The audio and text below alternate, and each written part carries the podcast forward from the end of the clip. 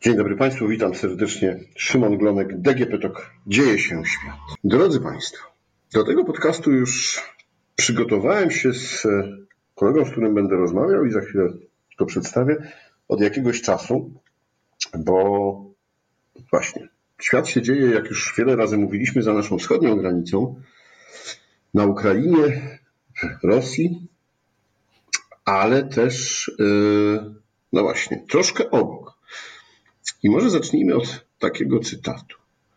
Jesteśmy zaniepokojeni agresywną, konfrontacyjną i odpychającą polityką Litwy i Polski. Mińsk musi być gotów na wszystko, nawet na użycie poważnej broni. Mówi Aleksandr Łukaszenka. I właśnie o tym, na co Mińsk musi być gotowy, bo chce, a na co musi być gotowy, bo Rosja go zmusza. Porozmawiam między innymi dzisiaj z Michałem Potockim, dziennikarzem Dziennika Gazety Prawnej, specjalistą od wschodu, od Ukrainy, Rosji i Białorusi. Cześć, witaj Michał. Dzień dobry, cześć. No to jak? Białoruś musi być przygotowana na tą naszą agresywną politykę? No to jest taka klasyczna zamiana pojęć, w której się Łukaszenka od lat specjalizuje. Przypisywanie przeciwnikowi intencji czy też działań, które, które samemu się przeprowadza. No, oczywiście Polska czy Litwa żadnych y, wrogich czy też, czy też y, no, wrogich, mówiąc wprost, zamiarów wobec, wobec Białorusi nie ma Łukaszenka, nie musi się bać, że nagle sprzymierzone siły Wojska Polskiego i Sił Zbrojnych Republiki Litewskiej przekroczą granicę, żeby tam, nie wiem, brać Grodno albo Nowogródek. To jest, to jest absurdalne. Natomiast na takich hasłach Łukaszenka z jednej strony, no to są hasła na użytek wewnątrz propagandowy, wewnętrzny, e, to znaczy budowanie takiego wrażenia, i to też jest stałe, niezależne od tego, czy akurat e, toczy się wojna, czy, czy, czy wojny nie ma. E, budowanie takiego wrażenia, że Białoruś jest oblężoną twierdzą przynajmniej z dwóch stron, to znaczy przede wszystkim od zachodu, e, i że w związku z tym Łukaszenka jest jedynym obrońcą pokoju w tym kraju. Białoruska propaganda od zawsze podkreślała, że zobaczcie, w Rosji była wojna, w Czeczenii E, Ukraina od 14 roku toczy wojnę, w Mołdawii była wojna w latach 90., w Gruzji, w, wojna Armenii z Azerbejdżanem, wojna domowa w Tadżykistanie, niepokoje społeczne krwawe często w Uzbekistanie, w, e, w, w, w Kirgistanie, w związku z czym Białoruś jest jedynym państwem byłego Związku Radzieckiego, w którym żadnej wojny nie było i oczywiście jest to zasługa Aleksandra Łukaszenki. E, ale ponieważ nigdy nie było tej wojny, to wszyscy nam zazdroszczą, cały świat nam zazdrości. Na Białorusi żyje się dużo lepiej niż na przykład na Litwie czy na Łotwie. E, Łukaszenka kilka miesięcy temu mówił o tym, jak się na granicy z, z Białorusią po polskiej stronie czy po litewskiej stronie ustawiają kolejki wygłodniałych konsumentów, którzy e, próbowali dostać się na Białoruś, żeby kupić kaszę gryczaną czy, czy sól. No i takimi opowieściami oczywiście mało kto, mało kto, coraz mniej osób w to wierzy, no ale na tym jest zbudowana cała linia propagandowa od lat. A przy okazji w ten sposób też Łukaszenka e, tego typu retoryką pokazuje, czy udowadnia swoją przydatność e, dla Władimira Putina i dla Rosji. E, to znaczy pokazuje, że stosując podobne porównania, konstruując sobie, tworząc sobie podobnych wrogów, co Rosjanie, są dla Rosji sojusznikiem i Łukaszenka osobiście jest dla Rosji sojusznikiem i Białoruś jako państwo jest dla Rosji y, sojusznikiem. Rosja jako państwo, które na nadmiar sojuszników, zwłaszcza w Europie, narzekać raczej y, nie może. No, w związku z powyższym, tak uważa Łukaszenka, powinna tym bardziej jego samego e, wspierać, zarówno gospodarczo, jak i politycznie, militarnie itd., tak itd. Tak Więc tego typu słowa, jakkolwiek absurdalnie dla naszych uszu by nie brzmiały, one mają swój głębszy sens i to właśnie taki wielowymiarowy. Słuchając tych słów, zastanowiło mnie jeszcze jedno. Czy to są słowa Łukaszenki, czy to są słowa, które mm, Łukaszenka no, dostał e, do zagrania w, w tym akcie e, dramatu, czy też komedii, w którym występował e, obok Putina? No bo wojna Putinowi idzie średnio. No raz lepiej, raz gorzej, ale no, na pewno daleko od zamierzonych celów. I no, mówi się, że odniosły, skutek opłakany odniósł też, o czym rozmawialiśmy, tak kiedy przyłączył mm, na, do NATO Szwecję i Finlandię, bo to jego sukcesem jest niewątpliwie. Więc rozmieszczenie tej bro poważnej broni, o której tutaj Łukaszenka mówił, no mogło być takim straszakiem dla NATO, że zastanówcie się, co chcecie robić, no bo ja mogę właśnie. Łukaszenka mnie poprosi, a ja przyślę e, broń atomową na Białoruś. To znaczy, to, to, pewnie, to pewnie nie jest tak, że Łukaszenka dostaje, e, dostaje przed spotkaniami z Putinem jakieś e, jakieś, jakieś, jakąś notatkę z tym, co ma powiedzieć. To raczej, raczej do tego to się nie sprowadza. Natomiast rzeczywiście Łukaszenka, y, i to zawsze, zawsze tak to wyglądało, Łukaszenka zawsze był mistrzem mówienia tego, czego oczekuje od niego dany rozmówca. To znaczy on potrafił e, spotykać się z Amerykanami jeszcze w czasach powiedzmy przed, sprzed 2020 roku, sprzed sierpnia 2020 roku, e, potrafił spotykać się z Amerykanami i narzekać na agresywną Rosję i równolegle w odstępie kilku tygodni spotykać się z Rosjanami i narzekać na Zachód i deklarować pełną gotowość do pogłębionej integracji z Rosją. Więc w tym sensie to może być po prostu to, czego od niego Rosja oczekuje, ale tak na dobrą sprawę to jest drogorzędne. Czy te słowa padły, bo Łukaszenka został o to poproszony, czy sam się domyślił, czy też dostał to na mailem przed, przed wizytą, bo rzeczywiście Rzeczywiście te pogróżki one się bardzo istotnie wpisują, e, wpisują w, w politykę e, Rosji. Z jednej strony to obroni.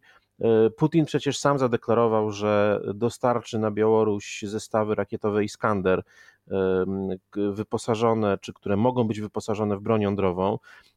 To Putin zadeklarował, że celowe byłoby byłoby dostosowanie białoruskich samolotów wojskowych do ewentualnego przenoszenia, e, przenoszenia bomb atomowych. E, I do tego jeszcze Łukaszenka, e, Łukaszenka powiedział, że blokada Kaliningradu przez Litwę, jak to jest określane przez rosyjską propagandę, to nie ma nic wspólnego z blokadą, ale powiedzmy, że blokada Kaliningradu przez Litwę jest równoważna z, z wypowiedzeniem wojny. I ta cała retoryka ma generalnie służyć chyba rzeczywiście z jednej strony takiemu przekonywaniu Zachodu, że Rosjanie i ich sojusznicy są gotowi na wszystko, że są nieprzewidywalni, że mogą e, uderzyć e, bronią jądrową w cele na terytorium Unii Europejskiej czy NATO. E, to wszystko ma na celu przekonywanie Zachodu, że może jednak warto by się jakoś zaczynać dogadywać, że może warto by iść na jakiś kompromis kosztem Ukrainy, a z drugiej strony to jest też, to jest też, to jest też wskazówka pod adresem Ukrainy, to znaczy Białoruś otrzymała i realizuje bardzo istotne z punktu widzenia rosyjskiego zadanie w tej wojnie, to znaczy poza oczywiście wsparciem logistycznym pod tytułem udostępnianie szpitali, udostępnianie infrastruktury kolejowej dla potrzeb rosyjskiej armii, czy też udostępnienie terytorium w lutym, bo e, pamiętajmy, że jedno, e, że jedno z uderzeń e, na Kijów i na, przede wszystkim na Kijów poszło od strony właśnie, od strony terytorium białoruskiego.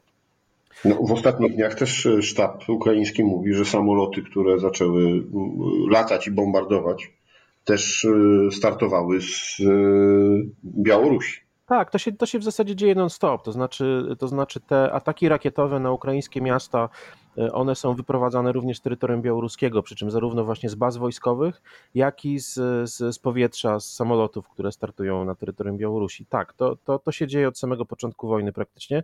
Przy czym rzeczywiście częściej wyglądało to, częściej to były ataki rakiet, e, rakietowe ziemia-ziemia. Natomiast, natomiast jest też inny cel, to jest jakby taki cel bezpośrednio wojskowy. Natomiast jednym z celów jest też e, wiązanie ukraińskich sił, jak największej części ukraińskich sił e, wzdłuż granicy z Białorusią. E, po to, żeby nie można ich było wysłać na Donbas, na Hersońszczyznę, pod Charków i tak dalej, i tak.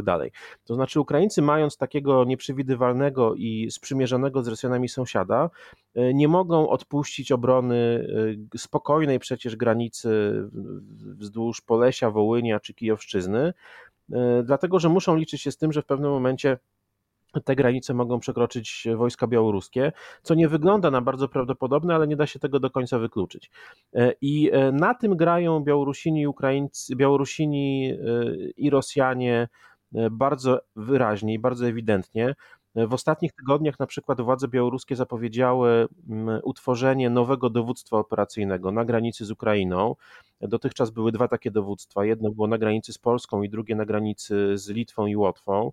Teraz będzie trzecie na granicy właśnie z Ukrainą. A zanim to dowództwo operacyjne powstanie, wzdłuż granic z Ukrainą zostały rozlokowane e, białoruskie siły zbrojne. E, białoruskie pododdziały e, w, siłę, w sile ocenianej na mniej więcej 7 batalionowych grup taktycznych.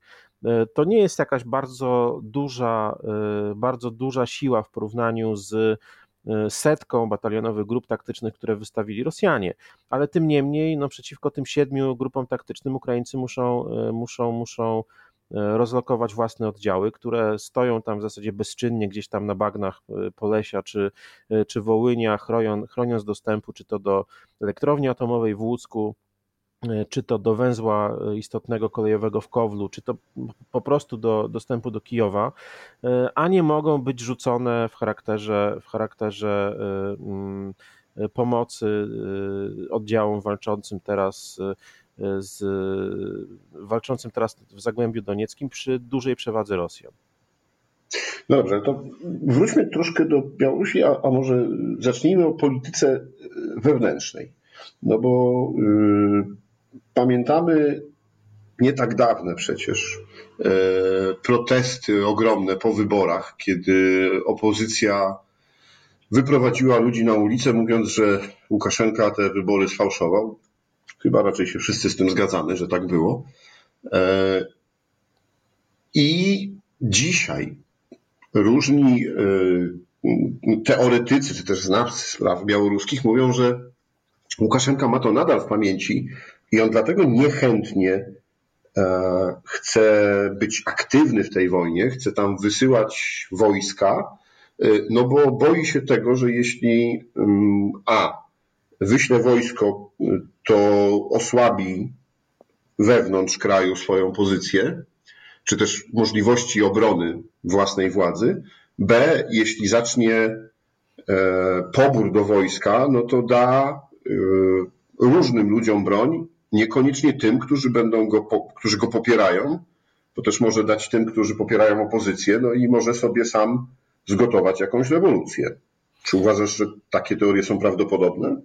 To jest, jedno, to jest jedno z wyjaśnień, ono nie jest jedyne i to nie jest jedyny czynnik, ale rzeczywiście tak jest. To znaczy, to znaczy yy, i Łukaszenka też ma w pamięci, że yy, przecież na Ukrainie, po stronie ukraińskiej walczy kilkuset do kilku tysięcy żołnierzy białoruskich yy, w ramach między innymi pułku Kastusia Kalinowskiego, ale nie tylko walcząc z, z, z rosyjskim najeźdźcą i jest takie przekonanie przekonanie, które można gdzieś tam napotkać, że ci żołnierze po wojnie mogą mogą wcale broni nie złożyć, a pójść e, trochę dalej na północ i spróbować obalić, obalić reżim białoruski. To jest jedno z takich bardziej psychologicznych w sumie wyjaśnień, dlaczego Łukaszenka nie wysłał e, wojsk, e, nie kazał im przekroczy, przekroczyć granicy z Ukrainą, e, ale moim zdaniem, moim zdaniem to nie jest wcale takie wyjaśnienie numer jeden, czy powód numer jeden. Moim zdaniem głównym powodem jest to, że Łukaszenka doskonale sobie zdaje sprawę, że białoruskie siły zbrojne są po prostu dużo słabsze niż,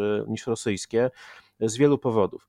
E, po pierwsze, białoruskie siły zbrojne nigdy nie walczyły e, z nikim, nie brały udziału w żadnej wojnie, ani nawet w żadnej operacji pokojowej.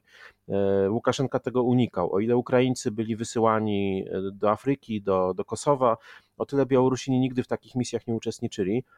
Nigdy też nie nie brali udziału w prawdziwej wojnie. Rosjanie mieli Gruzję, mieli Donbas, mieli Syrię, e, oddziały tych prywatnych firm wojskowych typu Wagner bywały też w różnych innych krajach, takich jak Libia, Republika Środkowoafrykańska, e, Mozambik. Białorusini takiego doświadczenia nie mają. E, do tego armia białoruska jest dużo gorzej wyposażona, dużo gorzej dofinansowana i dużo gorzej dowodzona niż siły rosyjskie. E, a przecież siły rosyjskie nie radzą sobie jakoś fenomenalnie na ukraińskim froncie. E, radziły sobie fatalnie w lutym i w marcu, teraz radzą sobie znacznie lepiej, ale wciąż to nie są, ale wciąż nie mogą się pochwalić jakimiś fenomenalnymi, e, fenomenalnymi sukcesami. Z dużym trudem przychodzi im, przychodzi im zajmowanie kolejnych części terytorium, aczkolwiek ciągle mają inicjatywę, tak? I to, że to, że padł, dopiero co padł Siewierodonieck, zaraz być może, prawdopodobnie może paść Lisiczańsk, świadczy o tym, że oni wciąż mają inicjatywę, ale Łukaszenka na to patrzy i widzi, że, że jego żołnierze na pewno nie byliby tak, e, byliby dużo mniej sprawni niż, e, niż nawet Rosjanie. E, przez to przekroczenie granicy przez wojska białoruskie miało, mogłoby mieć dla tych sił zbrojnych fatalne, fatalne skutki, w sensie czysto wojskowym. Także biorąc pod uwagę, że Łukaszenka zawsze nadawał priorytetowe znaczenie dozbrajaniu, doszkalaniu i dofinansowywaniu tych sił, które bezpośrednio służą ochronie władzy, czyli raczej wojsk wewnętrznych, sił specjalnych KGB, specjalnych oddziałów milicji do rozpędzania manifestacji. Tego typu służby zawsze mogły liczyć na, na solidny żołd, przyzwoity sprzęt, zresztą bardzo często eksportowany przez Zachód i, na, i, i w zamian odwdzięczały się dosyć szeroką lojalnością. Siły zbrojne były na końcu tego łańcucha pokarmowego. E, dlatego, że Łukaszenka zakładał, że w razie wojny i tak przyjdą mu na pomoc Rosjanie, w związku z czym, jeżeli może się czegoś obawiać, to niepokojów wewnętrznych, a nie agresji e, z zewnątrz. I to wszystko sprawia, że, że decyzja o wysłaniu wojska byłoby dla, mogłaby być dla Łukaszenki samobójstwem, e, dlatego raczej prowadzi działania właśnie takie do progu, do progu wojny.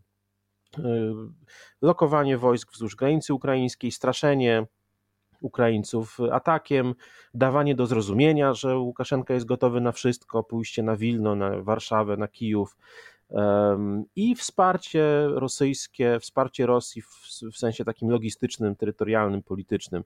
E, tego typu kwestie tak, natomiast, natomiast, natomiast pójście na front e, raczej nie, co nie znaczy, że, że nie mogę sobie wyobrazić sytuacji, w której e, Rosja w jakiś sposób, nie wiem, zdesperowana jest w stanie przymusić Łukaszenkę do tego, żeby te siedem grup batalionowych e, granice przekroczyło.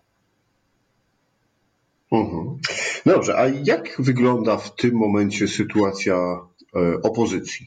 No bo po tych wyborach prezydenckich aresztowania, brutalne rozpędzenie, e, część opozycji wyjechało też do nas, do Polski, przywódcy. Mm, no a sytuacja teraz zmieniła się w jakikolwiek sposób? Y, opozycja daje o sobie znać? Ta sytuacja jest tak naprawdę równie fatalna jak, jak y, półtora roku temu. Y, rzeczywiście po protestach 2020 roku liderzy opozycji albo zostali zmuszeni do emigracji, albo trafili do, y, do zakładów karnych i do aresztów i generalnie większa, większość z nich albo już dostała wyroki i to bardzo często kilkunastoletnie, tak jak Wiktor Babaryka, niedoszły rywal Łukaszenki w tamtych wyborach i y, prawdopodobnie faworyt y, większości Białorusinów do zwycięstwa. Siergiej Cichanowski, mąż Światłany, lider Hadecji, Paweł Siewiaryniec, oni wszyscy podostawali po, po kilkanaście lat e, kolonii karnej. Wobec innych polityków opozycji wciąż toczą się, e, toczą się, toczą się śledztwa. Część z nich siedzi, siedzi w aresztach, czeka na wyroki, część z nich już te wyroki dostała. Ci, którzy dostali krótsze wyroki, które by się niebawem mogły skończyć, wobec nich wytaczane są kolejne sprawy karne, takie jak na przykład wobec, wobec dziennikarki Bielsatu Kacjeryny Andrejewej, która dostała E, stosunkowo krótki wyrok, e, o ile dobrze pamiętam, około dwóch lat więzienia nie sprawdzałem tego przed audycją, ale mniej więcej dwóch lat więzienia, w związku z czym ten wyrok by się jej zaraz kończył. Ona w lipcu stanie przed sądem ponownie, oskarżona już dużo cięższych e, artykułów mówiących o zdradzie państwa i musi się liczyć z kilkunastoletnim wyrokiem. E, ci, którzy, e, w związku z czym tak na dobrą sprawę działacze opozycji, aktywiści, politycy mieli do wyboru albo wyjechać i dzisiaj mieszkają w Polsce, na Litwie, na Łotwie czy gdziekolwiek na Zachodzie, albo trafić do więzienia. Jest y, bardzo niewielka grupa działaczy i to raczej trzeciorzędnych działaczy, czy to opozycji, czy to NGO-sów, czy to mediów, które y, pozosta którzy pozostali na Białorusi i mimo to są na wolności. To są naprawdę pojedyncze osoby i one w zasadzie też muszą się liczyć z tym, że każdego dnia może, mogą zostać zatrzymani, aresztowani. E, takie sytuacje zdarzają się do dzisiaj. E, obecnie na Białorusi liczba oficjalnie uznanych przez działaczy praw człowieka więźniów politycznych e, grubo przekracza tysiąc. o ile dobrze pamiętam, to jest jakieś 1200-1400 osób, to są liczby absolutnie rekordowe. To znaczy, takiej liczby więźniów politycznych na Białorusi nie było pewnie od czasów stalinowskich. I, no i sytuacja w kraju właśnie, właśnie, właśnie jest taka: o żadnej działalności, otwartej działalności antyłukaszenkowskiej mowy już nie ma. E, są co prawda podejmowane, jest coś takiego, jest takie zjawisko jak, jak kolejowi partyzanci, to znaczy jest zjawisko rzeczywiście dosyć nasilone e, dezercji, e, przepraszam, sabotażu, sabotażu na kolei, uszkadzane, uszkadzana jest infrastruktura kolejowa po to, żeby, żeby zapobiec i utrudnić przesuwanie wojsk rosyjskich. Natomiast pierwsi, pierwsze takie osoby też już były zatrzymywane, też już były zatrzymane i również grozi im, nawet grozi im kara śmierci zgodnie, e, zgodnie z białoruskim kodeksem, e, kodeksem karnym. Więc e, no, to jest jesteśmy u szczytu represji i tak naprawdę nie widać, nie widać jakiegoś światełka w tunelu, żeby te represje w jakiejś przewidywalnej przyszłości miały osła, osłabnąć. Mam wrażenie, że jakiś, jakieś otwarcie czy zliberalizowanie E, systemu, nawet pod Łukaszenką, nie będzie możliwe do, do zakończenia wojny. No, o to chciałem zapytać, bo mm, no, scenariusze są różne.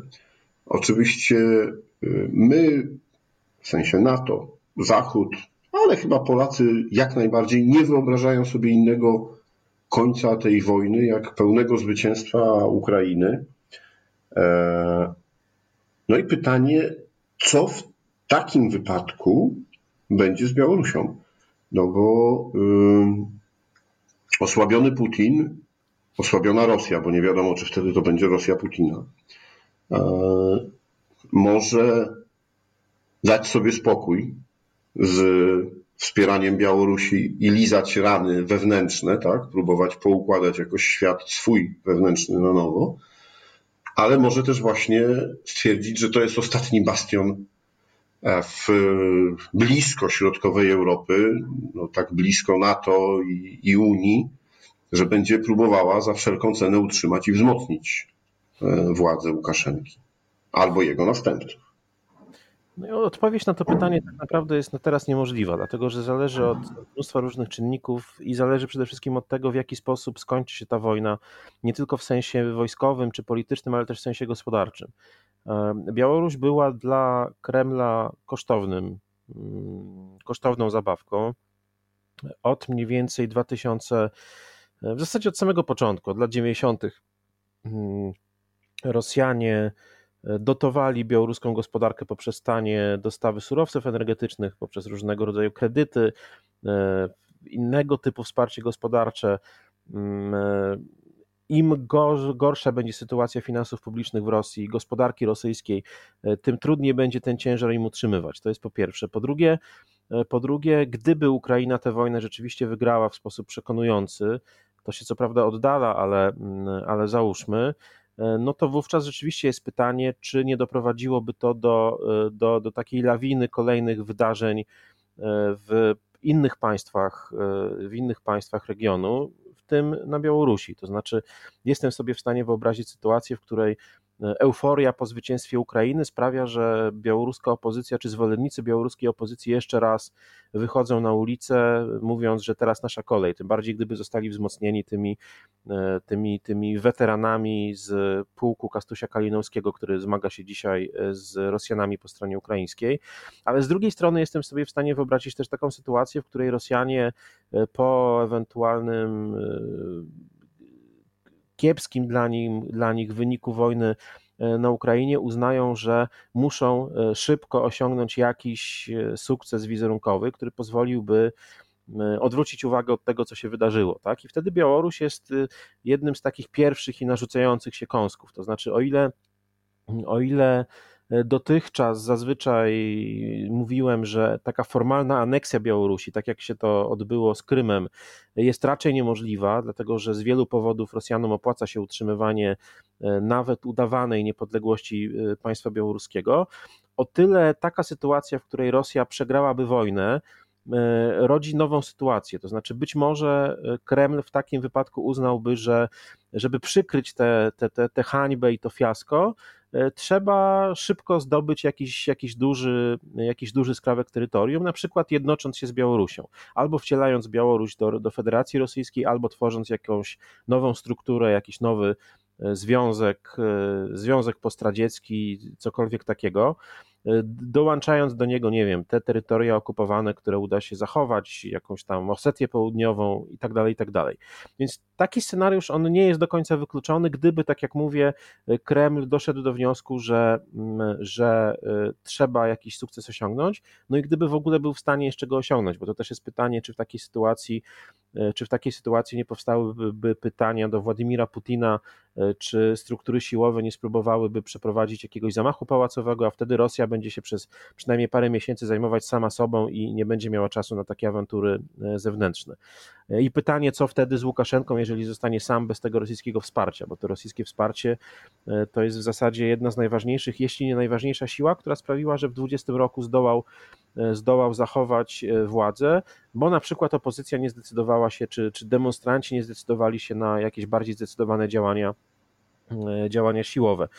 E, ale tak jak mówię, jest zdecydowanie za wcześnie, żeby takie, żeby, żeby jakąś, żeby któryś, któryś z tych scenariuszy uznać za wiodący, za najbardziej prawdopodobny, e, bo po prostu jest za wcześnie, żeby nawet e, rozstrzygać, czyim zwycięstwem zakończy się wojna i kiedy się ona zakończy. To jest jeszcze kwestia o której pewnie rozmawialiśmy w poprzednich podcastach i to nie jest temat tego, ale, e, ale też, też trzeba o tym zawsze pamiętać, e, odpowiadając na pytanie, co będzie po wojnie z czymś tam. Mhm. To, to jeszcze, jeszcze takie jedno pytanie o samego Aleksandra Łukaszenkę, a raczej o jego pomysły na przyszłość. No, czas jest nieubłagany. E, pan, pan dyktator coraz bardziej się starzeje. Czy on ma następcę? Czy to jest tak, że nie wiem, szykuje syna albo, y, albo szykuje w ogóle, ma jakiś pomysł na, na to, co w momencie, kiedy nie będzie sam już w stanie sprawować władzy, a jednak, żeby zapewnić sobie spokojną emeryturę, a może chce do, do tak zwanej śmierci być panem Ukrainy, y, Białorusi, przepraszam. Ja myślę, że, że, że y, raczej Łukaszenka należy do tych ludzi, którzy będą chcieli rządzić, dopóki tylko będą mieli na to siły i być może aż do samej śmierci.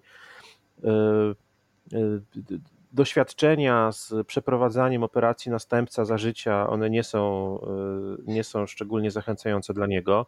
Łukaszenka z pewnością bardzo uważnie obserwował, co się stało w Kazachstanie, to znaczy teoretycznie Nursultan Nazarbajew wybrał sobie następcę, E, wyszkolił go, on był lojalny do bólu przez wiele lat, mam na myśli Kasym Marta Tokajewa, e, przekazał mu władzę, wcześniej zapisując sobie w konstytucji uprawnienia na okres emerytalny, e, gwarantując sobie dożywotni tytuł ojca narodu itd., tak itd. Tak Tymczasem Tokajew po tym, jak się poczuł silniejszy, wykorzystał protesty w tym roku, na początku tego roku i de facto odsunął pozbawił wpływów na Nazarbajewa, odsunął jego ludzi od władzy. Łukaszenka na pewno to uważnie obserwował i będzie starał się takiego scenariusza uniknąć, będzie starał się rządzić do końca.